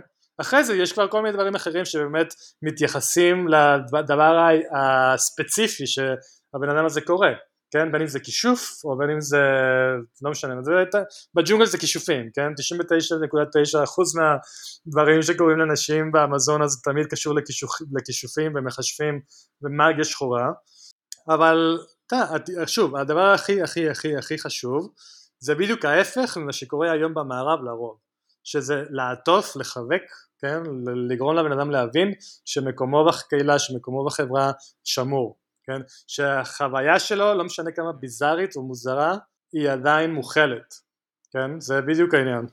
נושא מרתק מאוד, אה, נשמח להזמין אותך שוב אה, לדבר על זה. ברשותך, אני רוצה לעבור דווקא לכמה שאלות אישיות. אז אדם, מהו הפסיכדל האהוב עליך, ומתי אתה נוהג להשתמש בו? אני, זה משתנה, אני חושב ש... תשמע, כיום אני מאוד אוהב פטריות, אני חושב שיש להם, יש להם, okay. אוקיי. יש להם פרופיל מאוד uh, שלם, yeah, it's like a very, very holistic medicine במלא מובנים, גם, uh, גם yeah. uh, זה לא, זה לא קומיטמנט של זמן יותר מדי ארוך לרוב, זה לא משהו שמאוד כבד פיזית כמו היוואסקה, uh, זה יחסית מאוד נוח, אני עובד עם זה היום, אני מטפל עם זה, אני זנים ספציפיים אגב שאתה עובד איתם? אה, זנים או, או שיטות ספציפיות שאתה עובד איתם? אה, זנים ספציפיים אני, תשמע יש לי עכשיו בקופסה, אני מגדל אותם בעצמי, אז זה משתנה, תלוי מה, מה יש לי, אבל כן B פלאס זה אחד מהזנים שאני הכי אוהב אה, לעבוד איתם, וכן, אני חושב שזה זה, זה מה שמצאתי בינתיים יותר יציב. ואתה עובד עם... אגב, שאתה אומר כיף לי לעבוד איתם, למה אתה אוהב את הזן הזה ספציפי? יש אה, כמובן ויכוח בקהילה האם יש הבדל בין אה, זן לזן, כמובן אין תשובה חד משמעית, המדע עדיין כן, חסר ומוגבל, למה אתה בוחר בזן הזה? אני אומר חד משמעית שיש הבדל. כן? אני כן. בינתיים, חד משמעית יש הבדל. אני לא מתמקד יותר מדי. אנחנו יודעים שבפוטנטיות אגב כן, יש הבדל, כן, זה אנחנו, המדע יודע, אבל יותר קטע של ההבדל בהשפעה, בהשפעה אני מדבר, פטריה לפטריה, וגם הבדל שנובעת מהבדל אה, כימיקלי כזה או אחר, אה, אם זה טרפן, אם זה פלבנואיד, אם זה חומר כימי שבאמת משפיע אחרת. על קלואידים מסוימים, כן, אבל בשימוש בין זנים שונים של פטריות אני לגמרי יכול להגיד לך שיש הבדלים. אני, אני, כן, אני חושב שיש הבדלים, אני בוודאות יודע אבל הקטע שזה לאו דווקא רק בין זנים, זה גם תלוי בבאץ' וזה תלוי ב... זה, זה, יש כל, כל, כל כך הרבה גורמים שבאמת... יותר, אדם, יותר מזה, יש לי שאלה, עכשיו שאתה צורך את זה, אתה צורך את זה כפטריות יבשות, אתה אוכל אותן טריות? אני אישית אה, מייבש אותן בדיהיידרייטור. אני רוצה לעשות פריז דריי לזה. וואלה, אני... האונסט הוא יותר מהיר. יאללה, אני אעשה. כן, אני, אני משתמש בכזה מייבש מזון די פשוט, ו... בינתיים יש לי הצלחה מאוד uh, סבירה עם זה, אז לא, לא, לא, לא ניסיתי לחקור משהו אחר.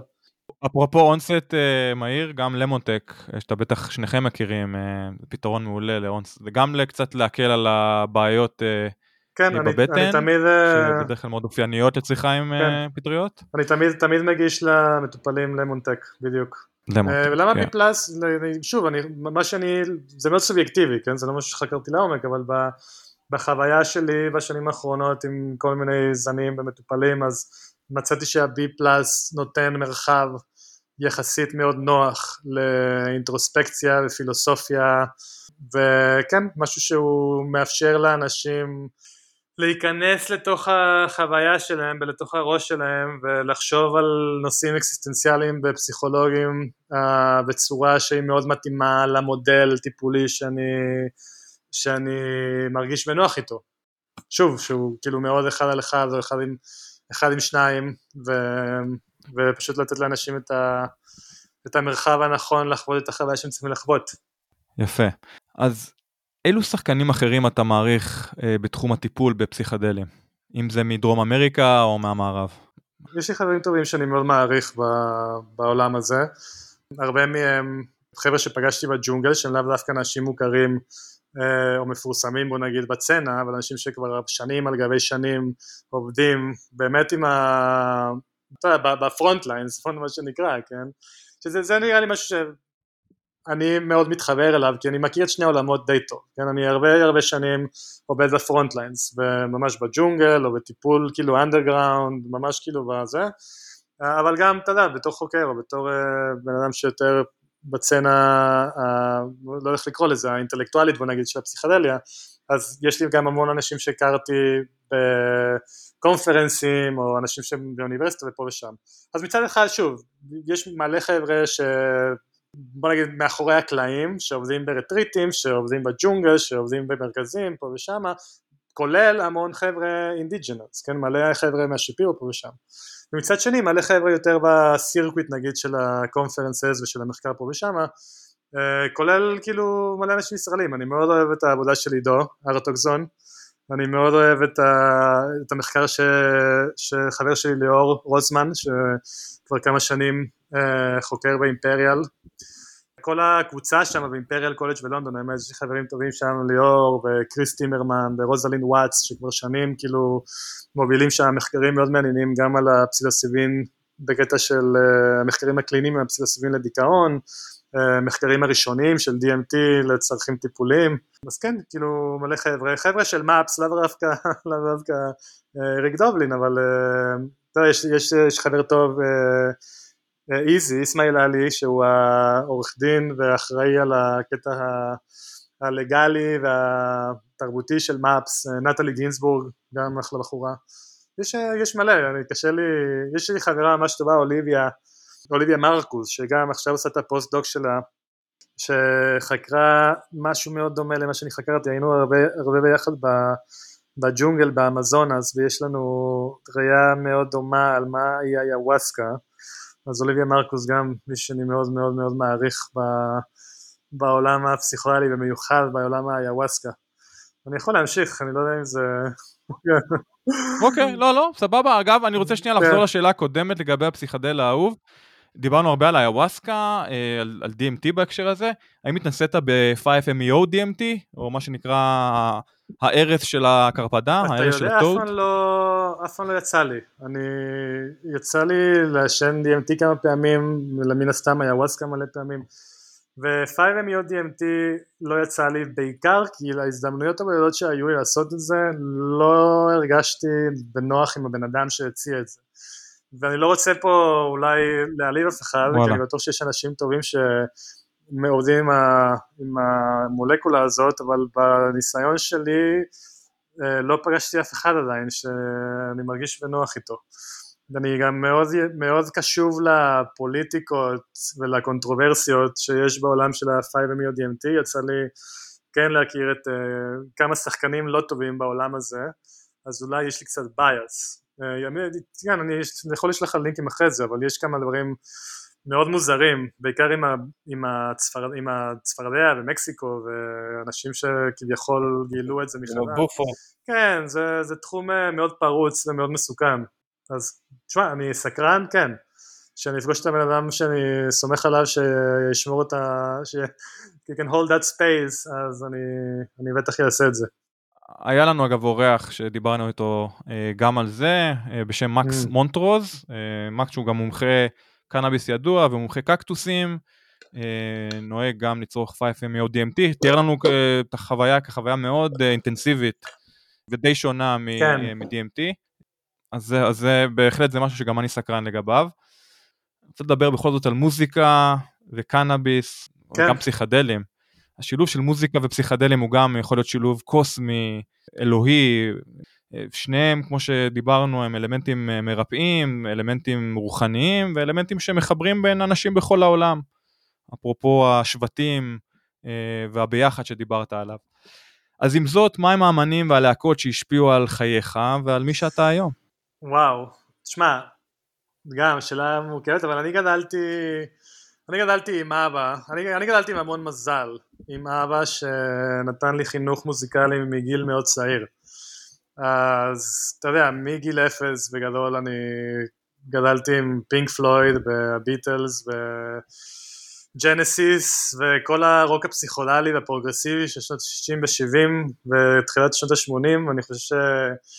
יותר מכל דבר זה מתחיל משם, ואחרי זה באמת כאילו בקטע של השפעה יותר אה, מאוחרת על מי שאני ומה שאני, אז זה חייב להיות בוב דילן ודייוויד בואי וליאונרד כהן, ויותר כאילו ה-folk singers של המהפכה, של ה-counter culture של אותה תקופה יש אה, זמר שנקרא חואקין סבינה, שבטח מאוד, מעט מאוד אנשים יכירו, אבל הוא הזמר הספרדי האהוב עליי. אתה יכול לחזור על השם חואקין סבינה.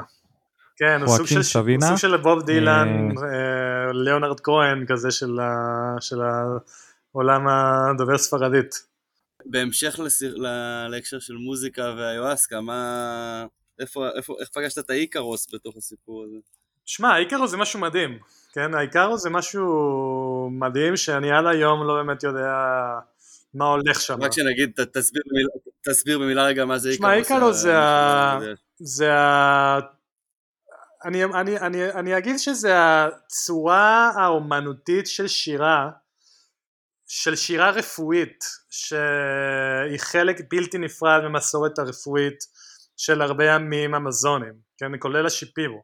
עכשיו אם, אם, אם אתה תוכל, אם אתה תשאל שיפירו, כן, זה משהו שאולי היינו צריכים לדבר עליו יותר לעומק, אבל בגלל שאין לנו זמן, אז זה ממש בקצרה. אם אתה תשאל שיפירו בג'ונגל, מהי התרופה שהוא משתמש בה, הוא לא יגיד לך איוואסקה, כן, הוא לא יגיד לך הצמח הזה או הצמח הזה. התרופה שלו, הכלי הרפואי שהוא משתמש בו, זה העיקרו שלו, זה השיר שהוא שר. כן? כל, ה, כל הדברים האחרים הם דרך העיקרו. כן, העיקרו באמת זה השיר שהוא שר שבה כלול כל הרפואה שהוא מביא לך. כן, כל האפקט הטיפולי הרפואי הזה זה בשיר עצמו. היוואסקה זה הוויקוס גם- בשבילו. גם באיקרוס הם גם מדברים בעצם על כל מה שדיברת בתחילת הפודקאסט, זה על, ה... על כל הנפשות של העץ, כן. של המים, של האש, של כל ה... עכשיו דיברנו על הדיאטה, כן? אתה עושה, שאתה מתלמד עם השיפיבו למשל, אתה עושה דיאטה. דיאטה בעצם זה אומר שאתה למשך תקופה יחסית מאוד ארוכה, היום זה אקספרס מן הסתם, כי אנחנו חיים בעולם אקספרס, אבל בוא נגיד שמסורתית אתה תקופה ארוכה צם ולא פוגש אף אחד ולא עושה כלום חוץ מלשבת בכיסא שלך ולהשתעמם, בתוך כדי זה פה ושם אתה אולי שותה איוואסקה לפעמים ולפעמים ואתה שותה איזה צמח או איזה, או איזה עץ מסוים שאתה עושה את הדיאטה איתו, כן? you're dieting העץ או הצמח הפרטיקולרי הזה. בסופו של דבר הגול של כל ה... כאילו המטרה של כל הדיאטה הזאת זה שאתה מצליח ליצור איזשהו ערוץ קשר בינך לבין האישות של אותו צמח או של אותו עץ. כן נגיד אתה צמח הבובינסנה או עץ הקטאווה או צמח הלמון גראס לא משנה מה אתה עושה את הדיאטה ומיוחד עם הצמח הזה ספציפית תקופה ארוכה ואז בסופו של דבר כנראה שאתה תיצור קשר עם האישות והאישות הזאת המטרה היא שהאישות הזאת תלמד אותך שיר זה מאוד סימפ... אני עושה סימפליפיקציה פה אדירה כן? אבל בוא נגיד שממש בגדול בגדול בגדול המטרה היא שהצמח או העץ הזה מלמדים אותך איזושהי מנגינה. המנגינה הזאת הופכת להיות העיקרו שלך או אחד מהמני אחד מהרבה עיקרואים שיש למטפל מקצועי נגיד. והעיקרו הזה הוא בעצם הצורה המוזיקלית או הצורה הסונורית של המדיסין של הצמח הזה אז בשביל שאתה תעביר לאדם וואו. את הרפואה של אותו צמח, אתה לא צריך שהבן אדם הזה ישתה את הצמח, או למרוח אותו בצמח, או ש... אתה שר לו את השיר. ודרך השיר הזה שאתה שר לו, שניתן לך על ידי האישות של אותו צמח, אתה מעביר לאדם הזה את הרפואה של הצמח הזה. זה ממש, ממש בקצרה, וואו. הסבר של מה זה עיקרו, וגם הסבר של קצרה של איך, של איך המערכת הרפואית פועלת, כן? שזה ממש מתבסס בדיוק על השירים הרפואיים האלה. ובכלל הכוח של המוזיקה. לרפא, אה, מגוון אה, אינדיקציות רפואיות, אה, מעבר לזה שהזכרת בהקשר של בריאות הנפש, כמה הכוח של הקהילה כל כך חשוב להכיל את, את אותו חולה במרכאות, גם למוזיקה יש כוח, גם הכלה כלשהי, שאנחנו עצובים או שעובר עלינו יום לא פשוט, דווקא אותם שירים עצובים הם כמו החבר, החברים בדיוק. המנחמים שלנו, כמו האוזן הקשבת שלנו מהבחינה הזאת. בדיוק. אז כן, אה, היינו יכולים לדבר על זה כאמור שעות, אבל אה, די נגמר לנו הזמן, לצערי הרב, אה, מבטיח להחזיר אותך שוב לתוכנית. אדם, לפני שאנחנו מסיימים, איך אפשר לעקוב אחרי העבודה שלך, אחריך, במקשטת? אה, נראה לי הכי קל דרך חברות, רשתות חברתיות. יש לי, יש לי עמוד באינסטגרם שנקרא Healing from Healing, שזה עמוד שהתחלתי לפני איזה שנה, שזה משהו שבכלל לא נגענו בו, אבל בטח שווה לדבר עליו בהמשך יום אחד. רוצה אגב לה- לה- להזכיר בקצרה או להסביר בקצרה מה זה Healing בדיוק? זה, זה עמוד? שנולד בתור מענה בדיוק למדיקליזציה הזאת שאנחנו מדברים עליה ולכל תרבות ההילינג שקמה אה, באופן כללי, כן? זה כאילו לתת קצת, אה, קצת קונטרה שהיא קצת סקפטית והומוריסטית ולא צינית, אבל קצת צינית אולי לתרבות ה-healing, כן? וקצת כאילו להביא אנשים יותר לאיזשהו תודעה יחסית, relational בוא נגיד, כן? שזה באמת לא הכל על, ה, על ה-individual, אלא שאנחנו באמת רוצים להבריא ולהרגיש יותר טוב, אז יש הרבה דברים מעבר לרק כל התרבות הצריכה של ה-healing, healing, healing, healing שמתבטאת היום בהמון דברים מסוימים. תכלס, באמת זו שיחה יותר ארוכה, אבל בגדול הם יכולים, האנשים יכולים לעקוב דרך העמוד הפרטי שלי, ש... שזה אדם אנדרוס באינסטגרם, או Healing from Healing, שזה העמוד היותר מקצועי, או בפייסבוק, אני יכול לתת לך את ההנדל אינג ותשים את זה בפרק. בהחלט, בשמחה רבה. אחלה, אדם אהרונוביץ' היה באמת עונג גדול, אה, סופר מרתק. לגמרי, אדם, ממש מרתק, וכיף שאתה פה. זה כיף, זה כיף. תודה על ההזמנה. אוקיי, אז זה היה אדם אהרונוביץ'. מה, מה ההתרשמות שלך מאדם ומהנושאים שדיברנו עליהם?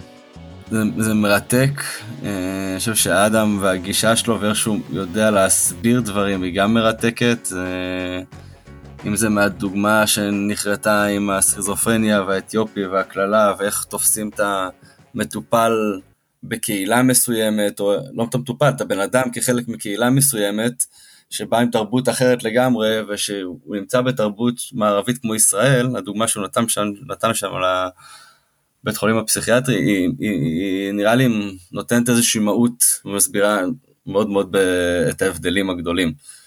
איך מסתכלים בכלל על בן אדם, ואיך מסתכלים על מחלה, מאשר לשים איזושהי מחלה שהיא רק ב-DSM, ואיך מאפיינים אותה, שהכל עובד לא הרבה פעמים עם context מסוים. אה, זה היה מרתק. אה, וכמובן, כל מה שהוא, כל מה שהוא התעסק איתו באיואסקה, והזמן שהיה לו שם לתצפת על תהליך כזה ארוך, אה, במשך כל כך הרבה זמן, תצפת גם על עצמו, אבל גם חיצונית על סשן מסוים, על מרחב טיפולי מסוים. זה גם נראה לי priceless מבחינת האקספיריאנס שאתה חווה, אז אה, שמסע חיים שלו הוא מעניין, זה ב...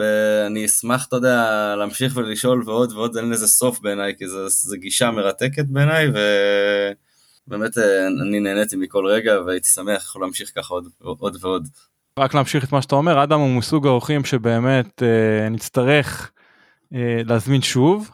יש באמת את סוג האורחים האלו שיש בהם, אה, יש להם כל כך הרבה ידע ועניין כמובן, שנצטרך להרחיב את השיחה ולדבר גם על נושאים שפחות נגענו בהם בשיחה איתו. אני חושב שזה האטיטיוד גם, הצורה של איך ניגשים לדברים שזה מאוד מעניין. זה יש גם משהו אז לגמרי זה, זה, זה מבחינתי פתח לי זה משהו שלא אנחנו לא חושבים עליו ביום יום כל כך אנחנו לא חושבים לפעמים על איך uh, התרבות שלנו מגדירה באמת uh, דברים בסיסיים כמו שמחה כמו דיכאון כמו anxiety, חרדה, וזה באמת מעניין להבין, שוב, גם בעקבות המסעות שלו בעולם, שתרבויות אחרות, אה, חלקן אה, או רובן לא מערביות בכלל, תופסות את כל הסיפור הזה של בריאות הנפש באופן שונה לחלוטין, ומי אנחנו, האדם הלבן, הנאור כביכול המערבי, שהחלטנו שדווקא הפסיכיאטריה המערבית זו היא זאת הדרך שצריך ללכת בה. אנחנו יכולים לראות היא לא פותרת את מה שהיא אמורה לפתור. אה, שמע, אז יש, יש מין כזאת, יש סוג של הילה מצד אחד לרפואה קונבנציונלית ומערבית, כי בכל זאת היא מגיעה ממדע, ממחקר וכמובן הרבה מאוד כסף. הרפואה המערבית שהיא הרבה מאוד כסף, ובעצם הכדורים האלה עובדים על בסיס שאתה צורך אותם הרבה לעומת סשנים טיפוליים שיכולים להחזיק לתקופה מאוד ארוכה, אם אתה עושה את זה ב-setting מסוים, או איזה חומר, מנעד החומרים הרחבים שאפשר להשתמש מהפסיכדליה, אם זה מ-DMT, איואסקה ודומיו, לפסילוסיבינים, ל... אין, לזה, אין לזה סוף הרי לחומרים האלה, ולכל אחד מה שהוא נותן ואיך אתה משתמש בו. אה, זה עונה על מנעד מאוד מאוד גדול, שלא מצריך גם דיברתם עם החבר'ה מ-MAPS בזמנו שהם מתעסקים ב-setting הזה, הוא לא מכיר, הוא צריך להגיד 12 מפגשים עם שחלק נעשים עם החומר, חלק בלי, זה לא שמה שממשיכים למכור. וזה חברות תרופות לא אוהבות. Yeah. אה, וזה כסף, וזה אני חושב שלמה אנחנו חושבים שזה, למה זה גם לא, היה בצד הרבה שנים, אבל אני חושב שהרפואה המערבית, בטח בבריאות הנפש, מה יש שם דברים שהם עוזרים, הוא אומר את זה גם, מה יש שם דברים שהם עוזרים לאנשים מסוימים, אבל לרוב אנחנו רואים את הסייד אפקט של הדברים האלה גם. אה, של החומרים האלה. מה שכן קצת יצאתי אופטימי כי הוא אומר שכן ניתן לשלב בין אה, גישות אה, so called מערביות, מודרניות, קונבנציונליות, איך שלא תקרא לזה, עם גישות שקשורות לפסיכדלים וקשורות לאותם שבטים עתיקים אה, ואותם תרבויות עתיקות. יש דרך לשלב, מהי אני לא בטוח בדיוק אם יש מישהו שיודע מהי הדרך. תלוי בחומר בטוח, תלוי בחומר בכמה כמה הוא. יישאר חוקי או לא חוקי. בהקשר הזה אנחנו יודעים ש-MDMA ופסילוסיבין אה, מתוכננים, לפחות ככה השמועות אומרות, אה, לקבל סוג של אה, הכרה או לגליזציה בשנתיים שלוש הקרובות, נראה אם זה יקרה. במדינות מאוד ספציפיות, זה לא, פעם, זה לא לגליזציה, איפה, איפה לגליזציה מלאה? לא, אז, אז זהו, שהדיבור כרגע כאן, אנחנו כמובן מכירים את, אה, את אוקלנד בהקשר הזה, ואת אה, מדינת אורגון, וגם את קולורדו, אבל לא, אני הפעם מדבר דווקא בהקשר הפדרלי. זאת אומרת שהדיבור לפחות אה, מה שממשל ביידן הצהיר. שוב, אנחנו יודעים שההצהרות האלה כולן אה, שוות לתחת. excuse my French מה שנקרא, אבל הן לרוב לא, לא מתגשמות, אבל כן הייתה הצהרה לפחות, בעקבות כל המחקרים האחרונים המוצלחים יחסית על MDMA ופסילוסיבין, שזה הכיוון, שזה הכיוון של הממשל הפדרלי, שהממשל מכיר ביכולת של MDMA ופסילוסיבין לטפל בבעיות נפש. אה, בוא נסתכל על היואסקה, הרי שמעת הוא נתן- שהוא נתן שם את הדוגמה, שבעצם המקומיים שהם באים, וזו דוגמה מעניינת להסתכל עליה, שהמקומיים שבאים לעשות את הטיפול אצל ה... הוא שיודע, אצל, השמ... אצל השמן, so called, אז הם לא שותים, נכון? יש שם את התהליך של התפילה, של האיקרוסים ושל ה... של הדיאטה, והשמן שותה, בסדר? והוא לא כן. שותה, והוא אומר לו אחרי זה כל מיני דברים, לעשות, כאילו, זה, זה המסורתי שלהם ככה כנראה, אני עוד פעם, זה, זה גישה אחת, אני מכיר גם דברים אחרים, אני מאמין שזה משתנה גם בין ז... כן. מה שנקרא זרמים. אני יכול להגיד לך, אני אישית חוויתי חודש שלם של, שבו אנחנו עושים כמעט את היואסקה בתקופה ארוכה בפרו של פעמיים, ב, נגיד, בין פעם לפעמיים בשבוע, עם הדיאטה ועם הדבר הזה, וזה, אני, אני כן יכול לומר שזה היה לי חוויה טיפולית מאוד מאוד חזקה כמכלול, וגם היה לי את ה-setup הנכון אחרי זה מבחינתי לעשות לזה איזשהו digest ו-process, כלומר המשכתי עוד לטייל אחר כך והייתי בתקופה, אתה יודע, רגועה מאוד, היה אפשרות באמת לעבד כי זה הרבה הרבה הרבה, כאילו בחוויה האישית שלי היה הרבה הרבה מה לעבד, ודה פקטו זה עזר לי לזהות, לשנות דברים בחיים שלי, אז יש לי הרבה כבוד לדרך של איך הדברים נעשים שם. דיברנו בין היתר באמת גם על ההבדל בין ה-setup הפרואני ל-setup הברזילאי, כן. אה, מבחינת ה-setting וכמה זה משפיע. אז זה שאתה בחלל חשוך, שאתה לא יכול לראות כלום, אין לך מה להיאחז, אז אתה מסתכל, אתה, אתה, אתה בתהליך פנימי. אה, לעומת משהו שאתה חווה עם עוד אנשים, יש לזה כל מיני משמעויות של בדיוק, זה- העניין סט וסטינג של תרופה, ש... או חוויה שאתה רוצה להעביר experience מסוים, שתרופות מערביות הן לא- נותנות לך כדור ואומרים לך, נכון, זהו, קח את הכדור, take the pills, כאילו אין פה שום process באמת, קח את הכדור ותהפוך להיות זומבי כי לרוב אנחנו יודעים שהתופעות לוואי הם לא הופכות אותך ל- לאיש שמח ותורם לחברה אלא באמת לזומבי או למישהו שהוא לגמרי דיסקונקטד מה, מהסביבה שלו. לפחות מבחינה רגשית ומבחינת הפרזנט שלו. אה, אז מהבחינה הזאת פסיכדלים זה באמת אה, תרופה שהיא או אלטרנטיבה לכל אותן תרופות אה, שמהבחינה הזאת מטפלת בבעיה עצמה ולא רק בסימפטום זאת אומרת היא לא רק עוזרת עם הסימפטומים אלא מטפלת בבעיה עצמה. אה, וזה אחת הבעיות העיקר, העיקריות של אה, הפסיכיאטריה המערבית בלי להיות אה, כמובן פסיכיאטר בעצמי. אז זה היה כאמור אדם אהרונוביץ' זה הפרק 116 של מקאלי ועד כוש. שיהיה בינתיים אחלה שבוע ניצן. תודה רבה דני, אחלה שבוע. תודה שהאזנתם לתוכנית. אם נהניתם ממנה ומהאורחים שהבאנו לכם, נשמח אם תדרגו אותנו בחמישה כוכבים. כל דירוג או ביקורת חיובית יעזרו לנו להמשיך להביא לכם את האורחים הכי שווים בתעשיית הקנאביס. יש לכם הצעה לאורח או נושא מעניין? נשמח לקבל בקשות והצעות לגבי נושאים או אורחים שמעניינים אתכם, המאזינים שלנו. אנא כתבו אלינו ל- From Kali to Push at gmail.com From Kali to Push במילה אחת at gmail.com אנא אל תיקחו את האינפורמציה שמוגשת בתוכנית כעצות רפואיות או עסקיות. צרו קשר עם הרופא שלכם או כל גוף רפואי מורשה אם אתם מעוניינים לצרוך קנאביס לשימוש רפואי. התוכנית נעשית מתוך אהבה ותשוקה לצמח הקנאביס, אך אינה מעודדת קנייה לא חוקית של מוצריו. תודה על ההאזנה, נשתמע בקרוב. צ'או.